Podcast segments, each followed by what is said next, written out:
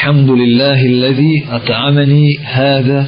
ورزقنيه من غير حول مني ولا قوة